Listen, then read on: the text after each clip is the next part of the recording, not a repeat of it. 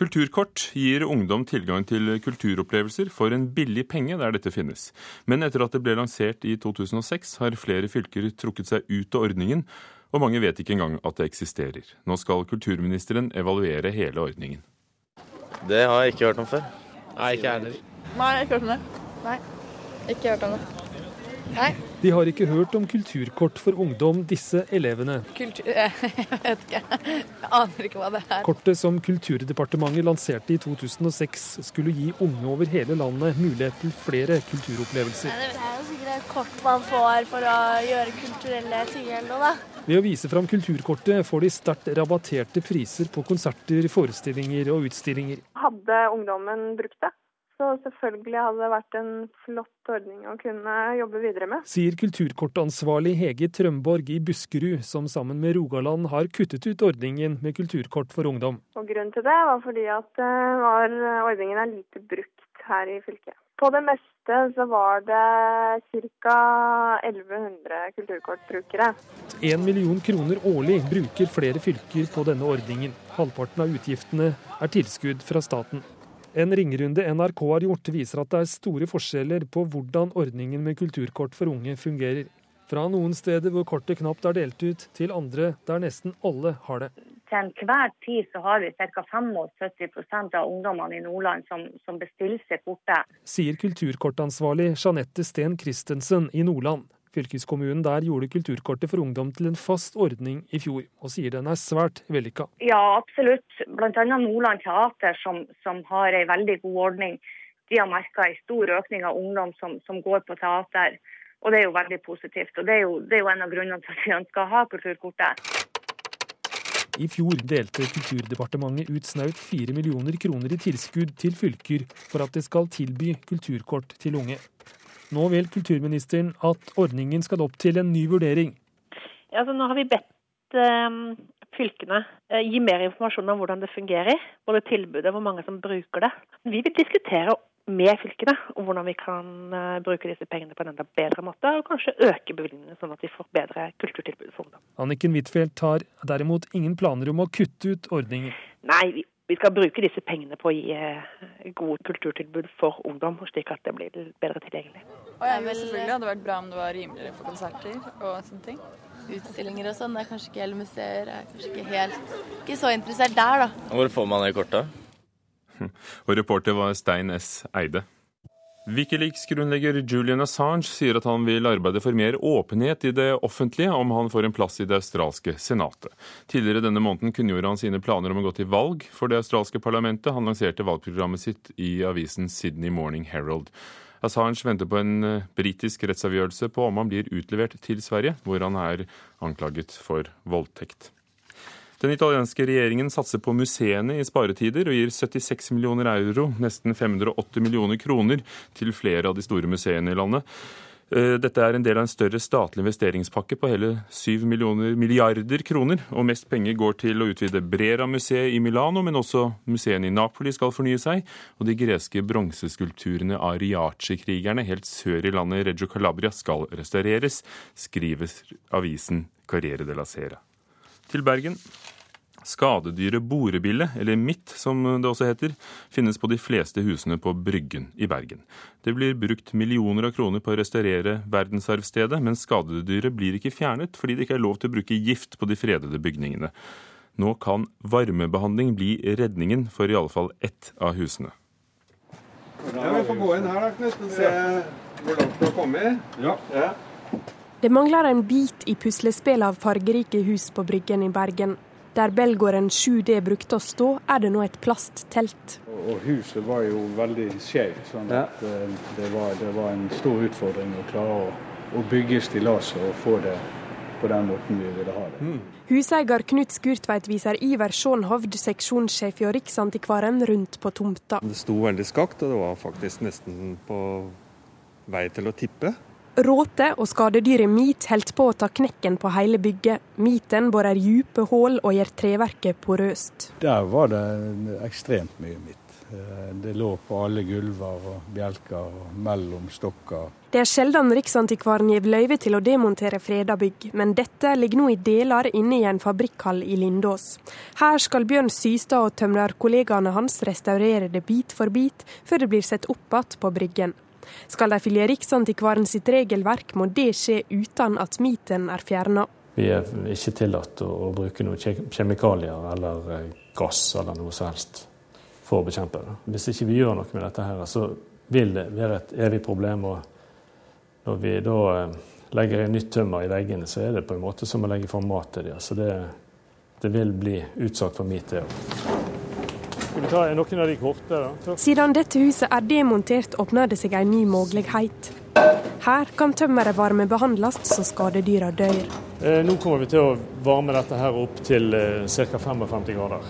Og da skal dette ta knekken på midten. Men for å få gjøre det med freda bygningsdeler, må de ha tillating fra Riksantikvaren. Nå har jeg ikke fått full søknad på det, så derfor så tør jeg ikke å si helt eh, alle planer. Men sånn som de har presentert det for meg så langt, så ser det veldig spennende ut. Og det er jo samtidig en veldig unik mulighet nå når alle, alt materialet er demontert og det faktisk skal gå inn i et uh, varmekammer for behandling, så syns jeg at det er viktig at vi ser på den muligheten. Jeg har vel en god tro på at uh, man i alle fall kan komme et stykke videre i å, å løse problemstillingen. Om en ser nærere etter, så er det små midthull i de fleste husene på Bryggen. Problemet er omfattende, men foreløpig er det bare ett hus som kan bli mitfritt. Ja, det kan jo hende at vi blir litt mer liberale i forhold til å demontere, men det vil aldri være en hovedgrunn til at vi går inn for å demontere et bygg. Det er så mange ting som spiller inn, og det er nye forhold hver gang vi begynner på et bygg, så det må behandles veldig individuelt, hvert eneste bygg. Og uansett utfall så gleder Knut Skurtveit seg til Belgården 7D er tilbake der den hører hjemme. Med eller uten mitt? Med eller uten mitt. Er du glad i dette huset? Ja, det er bli. Eh, kanskje en unngå. Sa huseier Knut Skurtveit og reporter på Bryggen Rebekka Nedergåten Strand. Regissør Joakim Trier planlegger å spille inn sin tredje film til høsten i utkanten av New York i USA.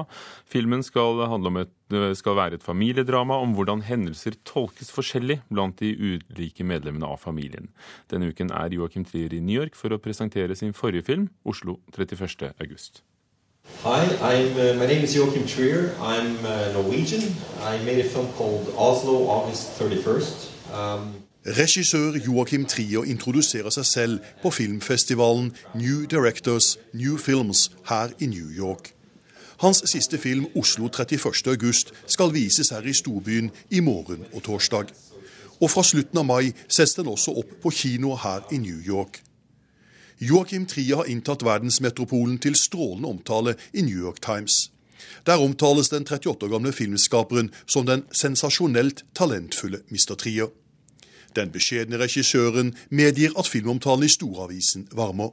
Selvfølgelig, når man lager film, søker man bekreftelse, og man blir veldig veldig takknemlig når noen liker det man gjør. Samtidig så er det noe inni meg som gjør meg litt um skal vi si, sånn forsiktig med å bli for avhengig av kritikker og, og hva andre syns, fordi jeg trenger å prøve å holde et fokus. Hele tre norske filmer presenteres denne våren her i New York. Jannike Systad Jacobsens prisbelønte film 'Få meg på, for faen' settes opp på kino her i New York til fredag. I fjor ble denne norske filmen tildelt prisen for beste manus under den anerkjente Tribeca filmfestival her i New York. I år er det regissør Magnus Martens som får prøve seg på samme filmfestival med spillefilmen 'Armeriddere'. Og fra slutten av mai settes Joakim Triers Oslo-film opp på kino i New York. Den amerikanske filmkritikeren Erik Cohn har sett den norske filmen, og er imponert over måten Joakim Trier formidler sin historie. Well, Oslo is, is basically a movie that's all about performance and simplicity. It's uh, it's very disciplined, and it feels to me like the perfect synthesis of how an actor performs and how the themes can tell the actor how he should perform. It, it is essentially a movie about addiction, but it's also about the challenge that everyone faces in society when they do something that isolates them from the world around them. Den prisbelønte norske filmskaperen hviler ikke på sine laurbær, og er i gang med sin tredje film, også den i samspill med makkeren Eskil Vogt. Filmen skal spilles inn nord for New York, og Joakim Trier setter i gang med opptakene til høsten. Hvem som får hovedrollen i den amerikanske filmen, er foreløpig ikke avklart. Men man skal ikke bli overrasket over om den norske regissøren klarer å sikre seg amerikanske stjernenavn på rollelisten. Selv er Joakim Trier taus om aktuelle skuespillernavn, men han røper litt om filmens innhold overfor NRK. Altså Det er en fortsettelse av utforsking av filmform. da, Det å prøve å komme nær karakterer, prøve å vise tenkning i film hos uh, i dette tilfellet en familie som har gått igjennom uh, noen tragiske ting som ligger i fortiden. Den bygger seg opp litt som et mysterium. Og det vi gjør, er et slags um, en litt ny modell, en ny fortellingsmodell for et familiedrama. Hvor vi prøver å vise noe om hvor forskjellig uh, vi tolker de samme hendelsene i en familie. Hvordan søsken tolker foreldrene forskjellig. Og prøver nettopp å lage en film som er litt humoristisk og, og også litt melankolsk om, om relasjoner i en familie. Men de neste dagene er det Oslo-filmen det handler om her i New York. To visninger dagen etter hverandre på anerkjente MoMA, The Museum of Modern Art og filmsenteret Lincoln. Oslo-filmen følger i fotsporene til debutfilmen Reprise. Neste gang 38 år gamle Joakim Trier vender tilbake til traktene her rundt New York, er det for å gå i gang med sitt tredje store filmprosjekt. Sa Jon Gelius. Anne Enger reiser rundt på oppdrag fra den sittende regjeringen, og hun skal finne ut hva Kulturløftet 2, som varte i 2014, har ført til. I går ba dette utvalget Anne Enger leder, som heter Kulturutredning 2014, om innspill til kulturpolitikken videre på et møte i Oslo, og leder Anne Enger merket altså et sterkt engasjement. Jeg hører at de er opptatt av kunstnernes levekår, selvfølgelig. Og at de er opptatt av f.eks. bibliotekenes situasjon. Folkebibliotekene er jo en suksessfaktor i norsk kulturliv. Grunnstein på mange måter. Og de lykkes, men har de fått det løftet som de kanskje fortjente? Det, det er jo et spørsmål som vi stiller, og som også ble stilt i dag. Det sa leder for Kulturutredningen 2014, Anne Enger, etter møtet i går der blant andre teaterfolk, forfattere, dansere, bibliotekmedarbeidere og kunsthåndverkere kom med sine ønsker for kulturpolitikken fra 2014 og fremover. Det partipolitisk uavhengige utvalget, som er oppnevnt av regjeringen, skal finne ut hva kulturpolitikken bør inneholde i årene som kommer. Vi er jo nødt til å gå systematisk til verks. Det er første gangen at det er en utredning av hele kulturpolitikken. Og vi ser da for oss at vi kommer til å lage en begrunnelse for hvorfor kultur og kunst er viktig, grunnleggende viktig for demokratiet vårt, for ytringsfriheten, for infrastruktur. I tillegg så er det jo slik at vi står foran mange utfordringer når det gjelder mangfoldssamfunnet vårt. Og det var reporter Pernille Amdal som hadde snakket med Anne Enger, og hun reiser altså rundt på oppdrag fra regjeringen. Og kulturkommentator Agnes Moxnes, du var til stede på dette innspillsmøtet som hun holdt i går. Hva er det hun skal finne ut av? Hun skal finne ut hvordan den rød-grønne kulturpolitikken skal se ut etter 2014, altså etter at Kulturløftet 1 og 2 er innfridd. Er det da snakk om å utarbeide et Kulturløft 3? Nei, utgangspunktet ikke. fordi Kulturløftet var jo tenkt som et felles rød-grønt løft, hvor målet var at kulturbudsjettet skulle utgjøre 1% av statsbudsjettet i 2014. I det øyeblikket det skjedde, så var liksom Kulturløfteperioden over. Men er det da de rød-grønnes valgkamp til neste år hun lager? Det er i utgangspunktet ikke det. Mandatet hennes det har vært å analysere hvordan det står til med norsk kulturliv akkurat nå, etter syv år med voldsom vekst. Altså, vi har jo gått fra et kulturbudsjett på fem milliarder bare for noen år siden, og nå nærmer det seg ti milliarder kroner. Og det hun gjør, da, er at hun skal se på hva gjør vi etterpå. Men så finnes det nok dem, særlig i Arbeiderpartiet, som har vært ansvarlig for kulturpolitikken etter 2005, som nå ser gjennom det arbeidet Anne Enger gjør, at de er i ferd med å miste dette slagkraftige begrepet som Kulturløftet har vært. Bare så tilbake til forrige valgkamp, altså i 2008 mot 2009. Eh, hvordan Trond Giske brukte Kulturløftet-begrepet. Han introduserte Kulturløftet 2. Eh, det ble laget Facebook-grupper. kulturfolk, kulturfolk flokket seg rundt denne mannen som da fortsatt lovet dem gull og grønne skoger. Og Hvis man hører godt etter nå rundt omkring, så begynner altså uttrykket Kulturløftet 3 å bli brukt. Ikke av Anne men av Arbeiderpartiets eh, kulturpolitikere. Så de har nok et ønske om at Kulturløftet 3 skal bli aktivt brukt i valgkampen i 2013. Vi hørte det var kunstnere og organisasjonen deres til stede i går. Hva fikk Anne Enger vite? Altså Det som er interessant med det Anne Enger nå gjør sammen med utvalget sitt på elleve stykker, det er jo at hun får greie på hvordan Kulturløftet egentlig har fungert. Eh, og det spørsmålet veldig mange stiller seg, også Anne Enger eh, stiller seg, er ja, det er kommet veldig mye penger inn i kulturlivet i Norge. Men hvor er pengene blitt av? Hva er de gått til? Hun har bestilt en del utredninger. I går møtte hun kunstnere som sier ja, det kommer mye penger, men vi ser dem ikke. Altså Levekårene for kunstnere er like dårlige, eller nesten like dårlige i dag, som de var da Kulturløftet startet. Og så har hun også sett på at eh, bibliotekene og kulturskolene fortsatt er eh, Jeg vet ikke om det går an å bruke uttrykket underbetalt, men de får iallfall ikke de pengene som de er blitt lovet gjennom mange år. Hva skal hun med alt dette? Bruke, altså hun jo, skal jo bruke den informasjonen nå til å tenke ut dette, denne kulturutredningen. Men det hun sa i går, da, det er jo at hun har lyst til, hvis hun kunne liksom få snakke på egne vegne, å satse nettopp på bibliotekene og kulturskolene.